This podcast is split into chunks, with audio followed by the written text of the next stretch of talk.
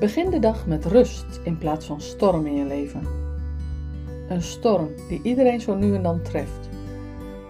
Hoe kun je rustig blijven terwijl het stormt om je heen?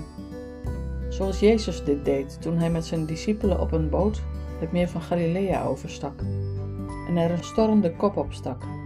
Jezus sliep en de discipelen waren in paniek. Ze vroegen zich af hoe hij kon slapen terwijl het toch zo stormde. Goedemorgen allemaal. Dankjewel dat je luistert naar de dagelijkse podcast van Atelier Baken. Mijn naam is Tini Leberink. Weten dat het goed komt terwijl je in onrust leeft, wat de oorzaak hiervan dan ook is. Vertrouwen hebben en ontspannen blijven zijn mijn zinziens sleutels die je nodig hebt om dit te kunnen. Geloof zoals Jezus dit had, terwijl hij lag te slapen achter in het bootje. Maar ook de levensadem is een belangrijke factor. We hebben allemaal levensadem in de neus gekregen van God. En zodra onze tijd hier op aarde voorbij is, stopt dit weer.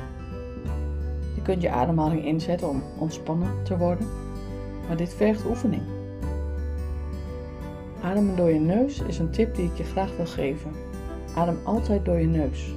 En mocht je dit niet gewend zijn en je begint daarmee, dan kan het zijn dat je buiten adem raakt. Stop dan, pauzeer en zorg ervoor dat je ademhaling weer onder controle is. En loop dan weer verder of fiets of beweeg. Doe dit onder geluiden van je ademhaling. Het lijkt misschien onmogelijk, maar het is het niet. En je kunt het stap voor stap leren. Als je begint met door je neus ademen, dan ben je al bezig met stap nummer 1. Probeer het maar eens even. Ga ontspannen zitten. Adem in door je neus. Adem uit door je neus. Neem even een moment voor jezelf en word je bewust van je ademhaling. In, uit, in, uit. Door je neus, altijd. Maak er een mooie dag van. God zegen voor jou en je geliefden. Tot morgen.